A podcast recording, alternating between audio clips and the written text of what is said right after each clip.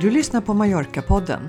Idag gör vi en utflykt till en av Palmas närmaste byar, nämligen Genova. Och ja, vi kommer oja oss lite över läget som det är just nu.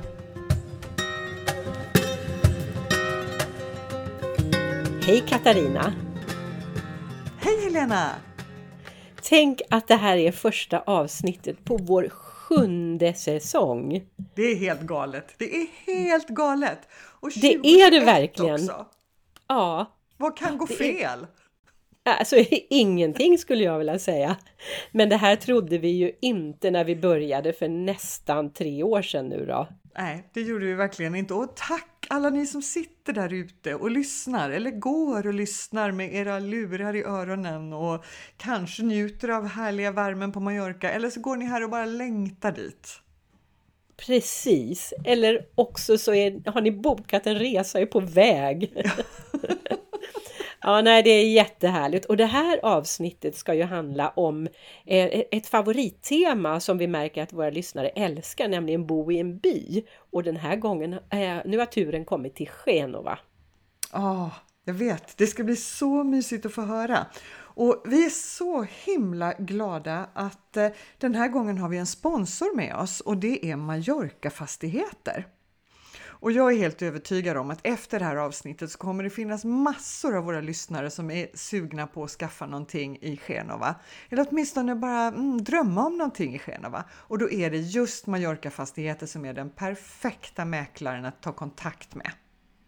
Ja, verkligen. För inte bara det att de, de är ju störst på ön, men och de har lång erfarenhet och alla deras mäklare pratar svenska eller är svenskar och de är verkligen vana vid de svenska önskemålen hos fastighetsköparna. Mm, det är de. Och någonting som jag tycker är toppen med Mallorca Fastigheter, det är deras nyhetsbrev som kommer en gång i månaden. Och där, eh, de presenterar inte bara fantastiska fastigheter utan de skriver också lite ditten och datten om ön och lite tips på restauranger och sevärdheter. Så det, det är verkligen innehållsrikt deras månadsbrev som dimper ner i din e-post en gång i månaden. Ja, Och är man lite sugen på att eh, ta del av det så går man in på mallorcafastigheter.com och anmäler sig till nyhetsbrevet där. ja precis. Så stort tack till Mallorca Fastigheter! Men du Katarina, jag tänkte att när vi, bestäm, när vi bestämde att vi skulle spela in idag så tänkte jag jag vill inte prata om Corona något mer. Men det går ju inte att undvika. Ja, jag vet, Ja. jag tänker, jag har den förutsatsen också att nej, inget corona. Men det är så centralt i våra liv just nu så det går ju inte att låta bli. Nej, det påverkar ju allt. Och nu har de ju från och med ikväll, som är alltså onsdagen när vi spelar in, då kommer det nya eh, åtstramningar som gör att restauranger och butiker stänger helt och hållet på Mallorca. Gym och andra ställen också där man träffas är, är också stängda. Ja, Dessutom så får du inte träffa någon eller du ska inte träffa någon utanför den, eh, de du bor med i samma hushåll som du. eh, precis, det egna hushållet bara. Ja, och folk är förbannade nu. Ja, det var till och med demonstrationer i måndags. Ja, ja, och jag förstår det. De, de har ju ingen möjlighet att betala skatter avgifter, försäkringar, löner, allting. Det går ju bara inte. Det är ju ett väldigt dilemma, men samtidigt så det måste vidtas åtgärder eftersom vi tydligen inte klarar av att hantera det här annars. Och samtidigt så står vi ju inte ut. Nej, nej men det, det funkar inte för de enskilda liksom. Det får vara antingen det ena eller det andra på något sätt. Ja, jag, har inga, jag har inga lösningar men jag förstår ju att, att folk är frustrerade. Så är det ju. Ja, men jag tycker vi alla börjar bli det lite till hands. Jag har fixat hösten och faktiskt eh, början av vintern väldigt bra, men nu känner jag att det börjar bli jobbigt och jag har ändå inga som helst, jag har ingenting jag kan klaga på. Men jag tycker ändå att det är jobbigt. Jag är en social människa, jag vill mötas. Ja, och träffas, ak- man är aktiv och man vill ju göra saker, man vill, man vill planera saker och det, man kan ju inte planera någonting för att man har, man har ingen aning om hur det ska, kommer se ut två veckor framåt eller två månader framåt eller ens två år framåt. Allt känns som ett vakuum. Nej, det är lite ledsamt just nu. Men du, mm. vad, vad, tror du om att prata om någonting annat istället? Ja, nu skippar vi corona. Så jag Hej tänker att om, vi skippar corona, om vi, om vi går från ett elände till ett annat elände, vad tycker, är det en bra idé tycker du? Och vad tänker du nu på? Nej, men jag tänker på det dåliga vädret.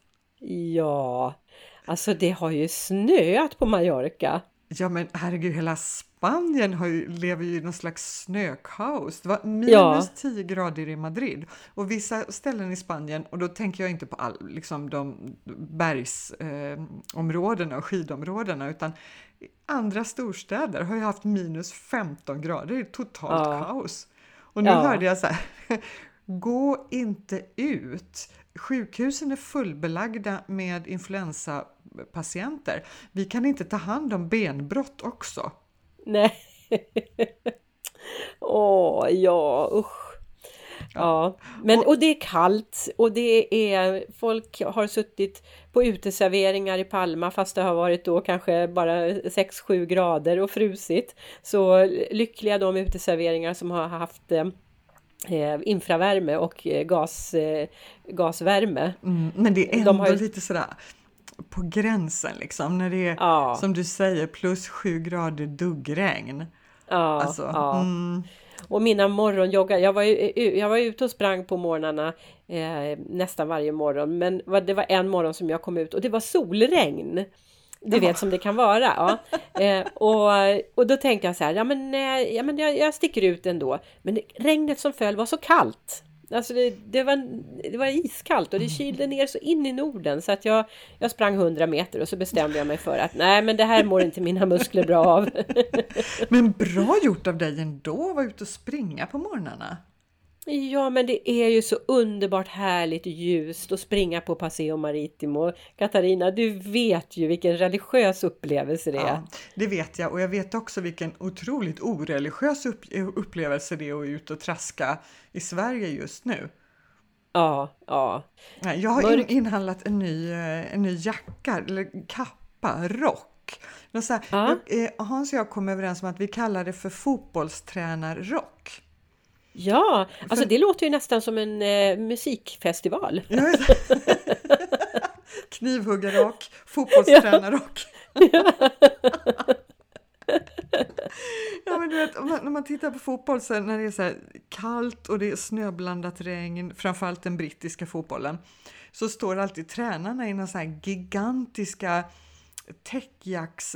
täckjacksrockar som går ner ja. till knäna och som liksom de ja. nästan inte syns i. En sån har jag skaffat mig. Det, ja, är liksom som att, det är som att gå ut och gå i en sovsäck.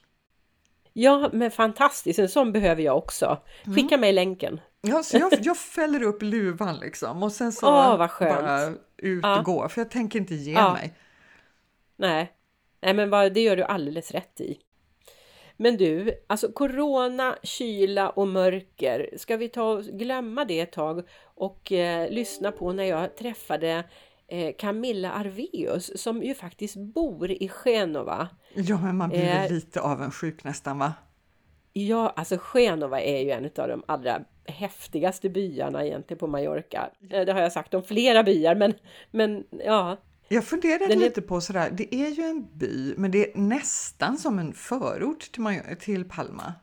Ja, det ligger ju så himla nära, så det, det är ju till och med promenadavstånd. Mm. Men, eh, men allt det där pratade ju jag Camilla om i intervjun, så ska vi lyssna? Det ska vi absolut. Hej Camilla! Nu sitter vi på ditt kontor här i La Lonja. Eh, och jag ska börja med att tacka för att jag får komma hit och prata med dig. Bara trevligt. Berätta om din verksamhet. Ja, jag har alltså jag har ju sysslat med fix och tricks och resor och konsultgrejer egentligen under hela min tid här på Mallorca. Men för tio år sedan så eh, gjorde jag, tog, eller jag tog steget och eh, startade företaget La Paloma Event. Och här fixar vi och trixar och hjälper och försöker sy ihop allt från eh, små ledningsgrupper till stora bröllop till 50-årsfester till 600 mans kongresser, allt möjligt. Göra roliga saker för roliga människor och arbeta med positiv energi. Du har ju lyckan att bo i en utav Mallorcas vackra byar, nämligen Genova. Ja, det kan man väl kanske säga. Det, för mig är Genova kanske den by som ligger närmast Palma, som ändå känns som en liten by. Mm. Eh, för det tar faktiskt inte mer än 15 minuter för mig att åka från mitt hem ner till kontoret då, som jag har här på La Lonja. Mm. Men man känner ändå när man kommer hem Mm. att man är i en by. Ja, så den är liksom separerad från Palma men ändå supernära kan man säga. Ja, Alltså egentligen är det väl nästan promenadavstånd från vissa delar. ja absolut. Jag har gått eh, både hem och, och ner och det tar ungefär en timme. Mm. Mm. Och det finns, numera så finns det, man har ju byggt ut mycket av cykelvägarna och gångvägarna så att det, nu är det faktiskt ganska okej mot för vad det var för eh, 10-5 år sedan när det, när det var problematiskt liksom för att det inte fanns trottoarkanter. Och, men det går ju swish att man kan bara cykla ner också. Ja, ja. Sen uppe i- Cykla, cykla ner men kanske inte hem, det är inte lika kul för det är mycket får man fixa en sån här elcykel. Ja just det, det är smart. Ja. Hur hamnar du på Mallorca? Eh, ja, det jag tror jag, jag är en sån här typisk vanlig person som bara ska komma hit och bara vara här några månader och sen så ska man göra det där man egentligen ska göra. Men av olika anledningar så, så blir man besatt av den här ön. Jag kom hit 1987, eh, den 20 februari och det kommer jag ihåg därför att jag eh, hade då en SAS-anciennitet. För jag jobbade på Vingresor som då ägdes utav SAS och då Ja, ja. var vi privilegierade och fick ett SAS-kort. Ja, ja. Så då Mm. stod det 20 februari 1987, det är sånt här som är inprogrammerat. Ja, just det. Och det är ju inte en tid på året som man brukar åka hit Nej egentligen. precis, utan jag kom hit nyexaminerad eh, ekonom. Jag hade läst något som heter internationell ekonomi eh, i Linköping och skulle bara ha kul en sommar och Ja. vara ekonom uppe i Arkodia. Jaha. Mm. Så där började jag och Mm. det är då 30, jag får usch, jag blir bara så här mörkrädd när jag säger 34 år sedan. Ja, Hjälp ja. alltså. Mm. ja, så du, är, du har varit här länge nu? Ja, jag är en sån här dinosaurie brukar jag säga. Ja, okej. Ja. Men då har du inte bott i Genova hela tiden utan du valde Genova därför att... Jag har alltid bott på den sidan om stan. Eh, Jag träffade min man, Micke, Mm. 1989 i Magaluf Jaha. av alla ställen. Ja, men han är svensk också? eller? han är svensk, Ja. han är, han är gotlänning. Jag vet inte om det var svensk egentligen, men han är ölänning. Ja, okej. Jag skulle nog säga att han är nog mer mallorquin än vad han nästan är svensk. Ja, Då. Eh, Ytterligare likhet mellan Gotland och Mallorca Ja, alltså. två öar. Två, eh, och då hade Micke en lägenhet i, i, i, i Getas som ligger då på den sidan om stan. Då. Och Mm. sen så, eh, så jag flyttade in hos honom samtidigt som jag jobbade då i Arkodia och reste hemskt mycket. Då, för då Mm. jobbade jag på Ving och sen så jobbade jag på Sunwing. Och sen så småningom så fick vi barn. Eh, för 24 år sedan fick vi en Viktor.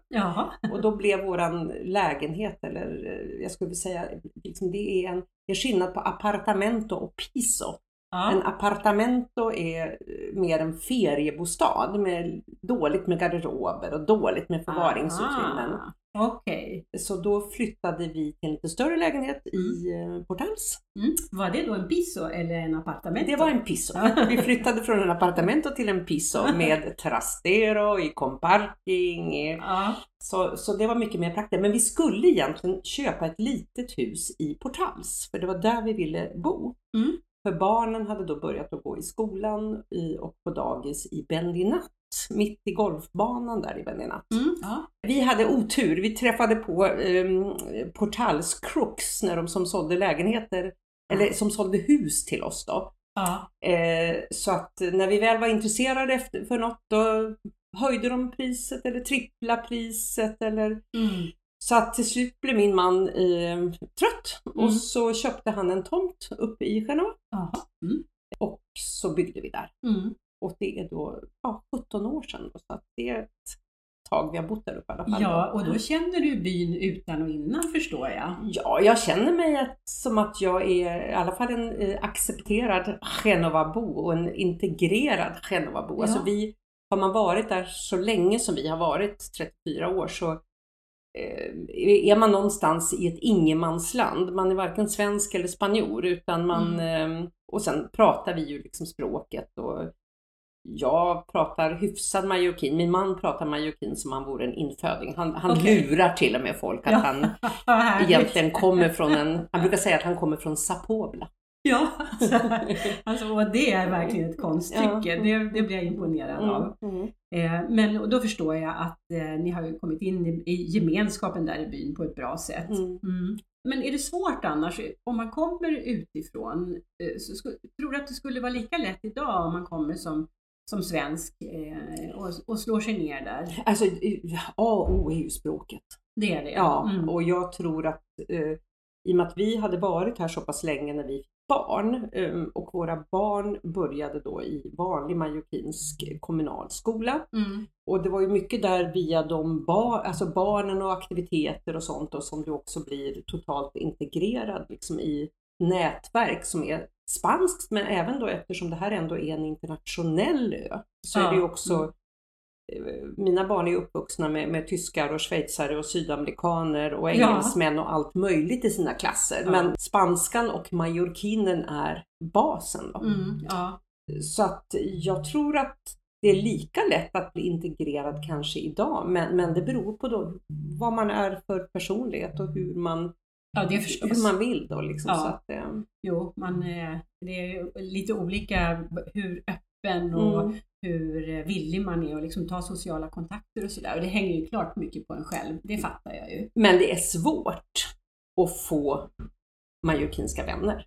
Ja, Eh, för det, och det var lite grann det eh, som jag sa med Micke. Micke är ju öbo ja. och majorkinerna är öbor. Men, eh, men ni, har, ni har ändå maj- majorkinska vänner uppe i Absolut, absolut. Och vi, vi är ett granngäng som brukar gå och äta hos varandra. Ja. Okej, ja. Mm. Eh, och där är det, ja, det är en svenska till Ja. som är gift med en majorkin då, Mm. Åsa Almar. Vi har faktiskt haft henne i podden Ah, och hon ja. berättade om det majorkinska köket Ja, hon är ju väldigt matlagningsintresserad. Vad roligt att ni, att eh, ni umgås, det var ju Mm. kul. Men du, eh, apropå att gå hem till varandra och äta och sådär. Jag vet ju att Genova är ett mecka när det gäller restauranger. Eh, och jag tänker, är det, är- är det egentligen den byn på Mallorca som har de bästa restaurangerna? Inte kanske de bästa restaurangerna skulle jag nog säga, men kanske de flesta per capita. Alltså det är ju mycket restauranger uppe i Genova. Ja. Och Genova är ju ett sånt ställe som man ofta åker och söndagsäter till och, och Mm. eh, klassisk majorkinsk mat. Ja. Eh, och, och där fin- det är, det är liksom grundpelaren är ju Can Pedro, alltså Pedros hus. Can betyder ju hus på, på majorkinska. Ja. Eh, det är en fantastisk historia om Pedro som kom till Mallorca som nioåring från Salamanca och kommer från en fattig familj och han började som grispojke tror jag det var i någon mallorquinsk familj. Och hur han då har lyckats ta sig fram och upp. Och Pedro är nog per idag runt 75 år kanske. Det var ju en jättehäftig historia. Det har, jag känner mycket väl till Mm. restaurangen Och han har Can då- Pedro, men inte hans historia. Och han, han kanske får göra en, en egen podd på Pedro. Ja, precis. Det skulle vara jättekul. Eh, och han tog då hit del, några av hans bröder. Ja. Och så startade han det här, ja, Can Pedro då. Ja. Och det är faktiskt hans bror som har eh, syskonrestaurangen som heter Casa Jacinto. ja. Som också är en välkänd eh, restaurang. Mm. Mm. Eh, och på, i parkeringen sitter den andra brodern. Alltså det, det är ett sånt här riktigt familjeföretag och det har ju gått bra för honom. Och han är lite grann, jag skulle säga att han är lite kung av Genova. Han är det, Ja, vad coolt! Ja. ja, men det är underbart. Och Mm. jag har ju sett genom åren, jag har ju varit mycket på ön ända sedan eh, början på 80-talet, eller faktiskt slutet på 70-talet om jag ska vara riktigt ärlig. Och jag har sett då Can Pedro växa Mm. eh, och bli liksom, eh, från att ha varit eh, ganska så okänd ändå, Mm. en stor turistmagnet Mm, också. mm, mm. Men alltså inte en turistfälla anser inte du då, utan det är väl Nej, det tycker jag inte. Jag tycker alla går till Can Pedro. Ja, alltså ja. det är sån här klassik. Det är Ja, samma kypare, samma menyer, samma liksom eh, pappersunderlägg där det står skrivet. Samma sniglar och alltså, nej det är basic och, och du vet vad du får och det är sk- skinkor i taket och det är höglött och det är kanske inte speciellt mysigt utan det är bullrigt och stökigt ja, men det är. Men det, liksom. men det, det är genuint Ja. och det är min uppfattning Mm. också att det inte är en turistfälla utan att det är liksom, det är trevligt där. Mm, Ja.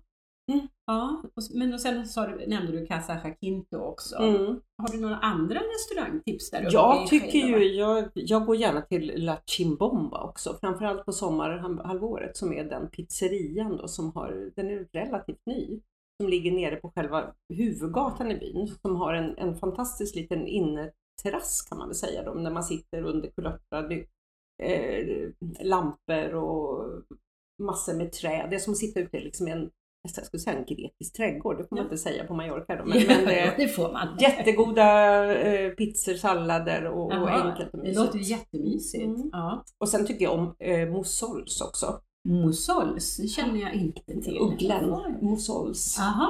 Eh, och de har en eh, fantastisk takterrass med Aha. ett stort sånt här segelduk. Också enkelt Ja. och opretentiöst. Mm, takterrass är ju min grej verkligen Mm. så att det här måste jag, det här måste jag lägga på minnet. Och vi lovar att lägga ut eh, länkar på vår Facebook-sida för det gör vi till. Ja, när, vi nämner, kul. när vi tipsar om någonting så, så Mm. brukar vi länka så att folk kan gå in i efterhand och Mm. inte behöver sitta med papper och penna. Men du, hur är det annars med allmänservicen? Nu är, ligger det ju så nära Palma så jag förstår kanske att det inte är några problem. Men finns det livsmedelsbutiker? Finns det bibliotek? Finns det dagis? Eh, Alltså, Alltså Genova har en relativt eh, hyfsat stor skola. Jaha. Alltså en vanlig public skola. Mm. Eh, så åker man från mitt hem ner till Palma då till jobbet vid kvart i nio, nio så är det liksom kö och det är poliser som står och, och Kommer de ifrån Palma då, de ungarna? Eh, upptagsområdet är, eftersom Genova egentligen tillhör Palma, så tillhör Cala Major Genovaskolan. Ja. Och Mm. när mina barn var små Mm. och vi flyttade till Genova så var jag och tittade på den skolan för jag tänkte att det var ju jättebehagligt Mm, för då kan de ju gå. ja. Men någonstans så var vi så väl eh, förankrade i Bendinattskolan så vi valde att vara kvar där nere då. Mm. Men eh, det är många som kommer från, ja, alltså från närområdet, Bonanova och sen ner Cala Major uppåt. Mm. Eh, sen har vi en liten läkarcentral, en pack som det Jaha. heter. Okej. Och sen lite, lite grann det här är, vi har en livsmedelsbutik, vi har ett fantastiskt bageri som också har ett litet eh, café, Mm. eh, hårfrisering Ja. där, alltså det är en ganska stark eh, kärna av eh, framförallt då damer eh, skulle jag säga som Ja. de, de, de samlas till och med här på, på frisersalongen. Ja, och, ja. liksom, och, Och lägger håret. lägger håret och tvättar och liksom Ja. får lite massage och tycker det är Ja. lite okej. Ja. Sen har vi en papelleria eh, Mm. där eh, de inte bara säljer tidningar utan allt möjligt skulle jag säga. Eh, och sen har vi några små kaféer, sen har vi ett, eh, en bank och vi har en farmacia, ett apotek Ja. Men då är och det... en tobaksaffär. Ja. Så att egentligen alla de här små förnödenheterna man behöver, de, Precis, eh, de ja. finns. ja. Även om vi är hemskt nära Palma. Och hur är det nu då under Corona? Är det öde eller lever alla de här verksamheterna? tycker du? Ja, just de här, nu de här, i det här sista skedet nu när allting blev nedstängt här Mm. eh, och vi inte får gå ut eh, och de restaurangerna ska stängas klockan sex och sånt så är det faktiskt flera som har så stängt. Ja. Bland annat Campedro som har tidigare haft öppet då. Ja. Men ja, nej men det, alltså det, allt annat är öppet. Det Mm. funkar och, och jag känner att coronatiden har ju varit så här att det Gud vad mycket folk har varit ute som har varit, ute och gått. Ja. Man ja. går runt byn. Det finns liksom en runda runt hela ja, byn. Och där går, så jag, jag, vi har lärt känna så mycket människor och eh, folk som har kommit ut på gatan som man liksom inte egentligen har träffat tidigare. Då. Nej, vad roligt. Mm. Ja. Ja, men det är ju, corona har ju förändrat Mm. vårt beteendemönster och våra vanor Mm. på ett sätt som ibland är bra. Mm. Ändå snart är över. Nej, och min man han är exempelvis ute och går varje morgon och, och vi har fått nya svenska kompisar. Som, bara för att vi har träffats på gatan. Ja, ja, vad roligt. Ja. Som vi var hemma på middag på för inte så länge sedan och vi var ute och åkte båt. Alltså så här, ja, så vi har börjat umgås och det är liksom en positiv grej. Ja. Nya kompisar. Ja, vad Mm. roligt. Mm. Är det något, eh, om eh, någon av våra lyssnare nu tänker så här, nej men åh det där Genova, det låter jättemysigt. Eh, har du något tips?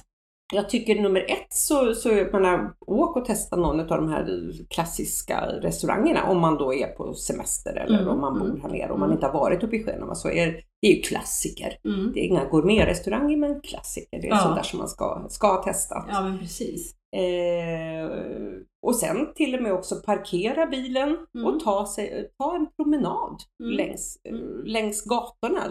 Mycket smågränder, mycket kryp in och bakgator som man liksom aldrig, vad är det här för någonting? Ja.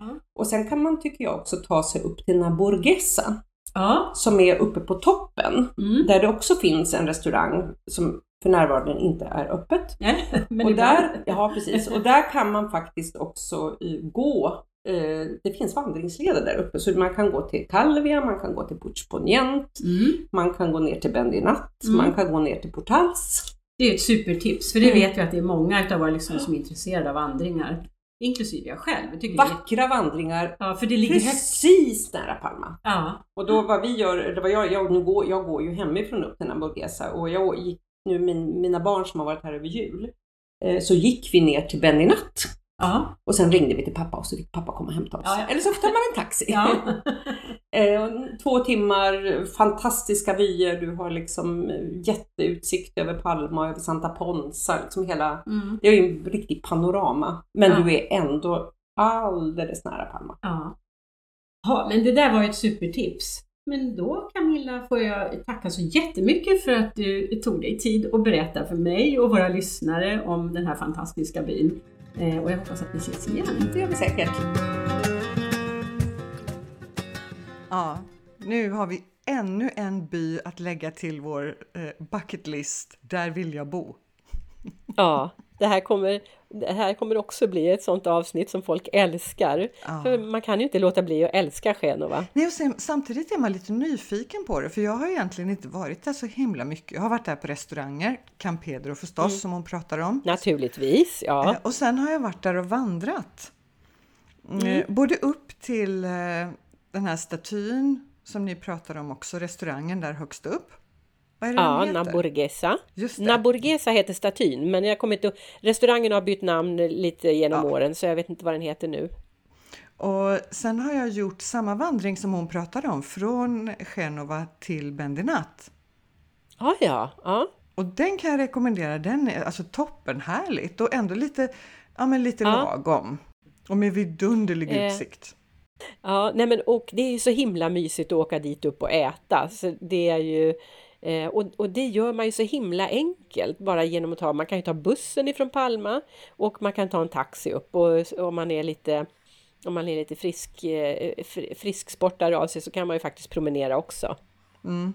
Nej, men det kanske är det så att den ligger nästan för nära för att man ska åka dit.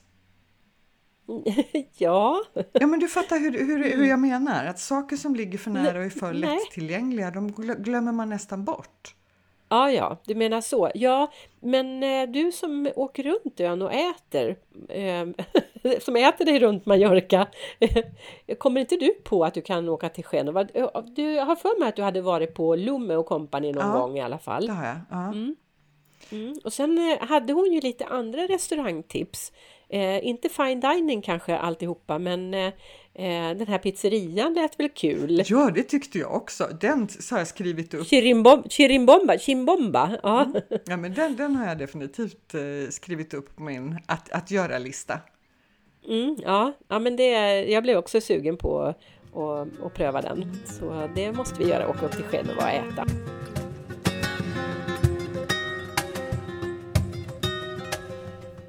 Då är det dags för årets första språkspaning, Helena. Ja, jag tänkte att jag inte, jag tänkte att jag skulle slippa den här gången faktiskt och låta eh, Camilla faktiskt stå för språkspaningen. Tänkte du på att hon pratade om skillnaden mellan appartamento och piso? Ja, det tänkte jag på. Ja, och det här passar ju så himla bra just i det här avsnittet som sponsras av Mallorca Fastigheter. Därför att det är ju verkligen någonting som kunderna undrar över. Vad är det för skillnad mellan en appartement och piso? Och precis som Camilla sa, jag har faktiskt tagit mig friheten att göra lite mer efterforskningar och se om det stämmer. Och det är faktiskt som Camilla sa, att en piso det är en större lägenhet som eh, är till för permanentboende. En appartamento är en mindre lägenhet och den kan vara för permanentboende men ofta är det då mer en, en tillfällig bostad, ett semesterhem eller någonting sånt där. Och sen tänkte jag så här, ja men vi har ju faktiskt samma på svenska också. Vi har ju skillnad mellan våning och lägenhet. Just det, fast där eh, tänker jag att våning det är någonting väldigt exklusivt för mig. Ja, precis. Och har, vi har ju någonting i Sverige som heter Rikstermbanken där många byggtermer är definierade. Så jag gick in i Rikstermbanken och letade efter våning och då får man som förväntat faktiskt bara våning, alltså på höjden. Det här är första, andra, tredje våningen, förstår du. Men vill du höra definitionen på lägenhet? Gör dig redo för någonting knastertorrt.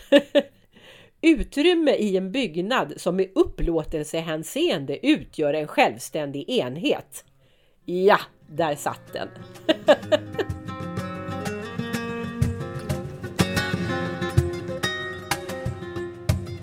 Och så lite, det tycker jag det är så himla härligt eh, när vi gör de här intervjuerna med folk som bor i olika byar att få höra lite om deras eh, liv och hur de har hamnat här. Ja, visst är det. Visst är det. Men nästan alla säger ju, när, när vi frågar hur hamnade du på Mallorca? Så pratar de ju om förälskelsen av att hamna på Mallorca av en slump eller då kom hit på någon semesterresa och sen bara och sen blev de bara förälskade i ön och det är ju det som har hänt oss också. Att mm. vi liksom Ja, man vill inte släppa taget när man väl har varit där en gång. Och så tycker jag det är lite härligt också för man förälskar sig i ön och så hittar man sin förälskelse i... Alltså man förälskar sig i en människa också, ofta. Ja, ja Jag mötte ju min man på Mallorca, precis som Camilla ja, mötte sin Micke på Mallorca. Ja, ja, och vi har ju haft andra. Vi har Åsa Alomar som också bor i Genova. Hon träffar ju sin man på Mallorca. Mm. Så, ja, det är ja. jätteroligt att, att få höra. Det är så härligt med människor och människors historia. Ja, vi ska, det kan vi lova våra lyssnare att vi ska intervjua många härliga och intressanta människor i podden under 2021. Mm, det kan vi mm. eh, utan att lova för mycket definitivt säga. Och vi kommer med ett nytt mm. avsnitt redan om två veckor. Ja, det gör vi. Mm. Det ska bli roligt att höras igen. Ja, det ska det verkligen. Har vi bestämt vad vi ska prata om då? Nej. Det blir en överraskning.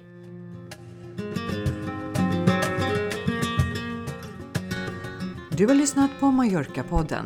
Gå gärna in på vår Facebook-sida där du hittar alla våra avsnitt. Under varje avsnitt hittar du länkar till det vi har pratat om. Gillar du Mallorca-podden så får du gärna berätta det för dina vänner.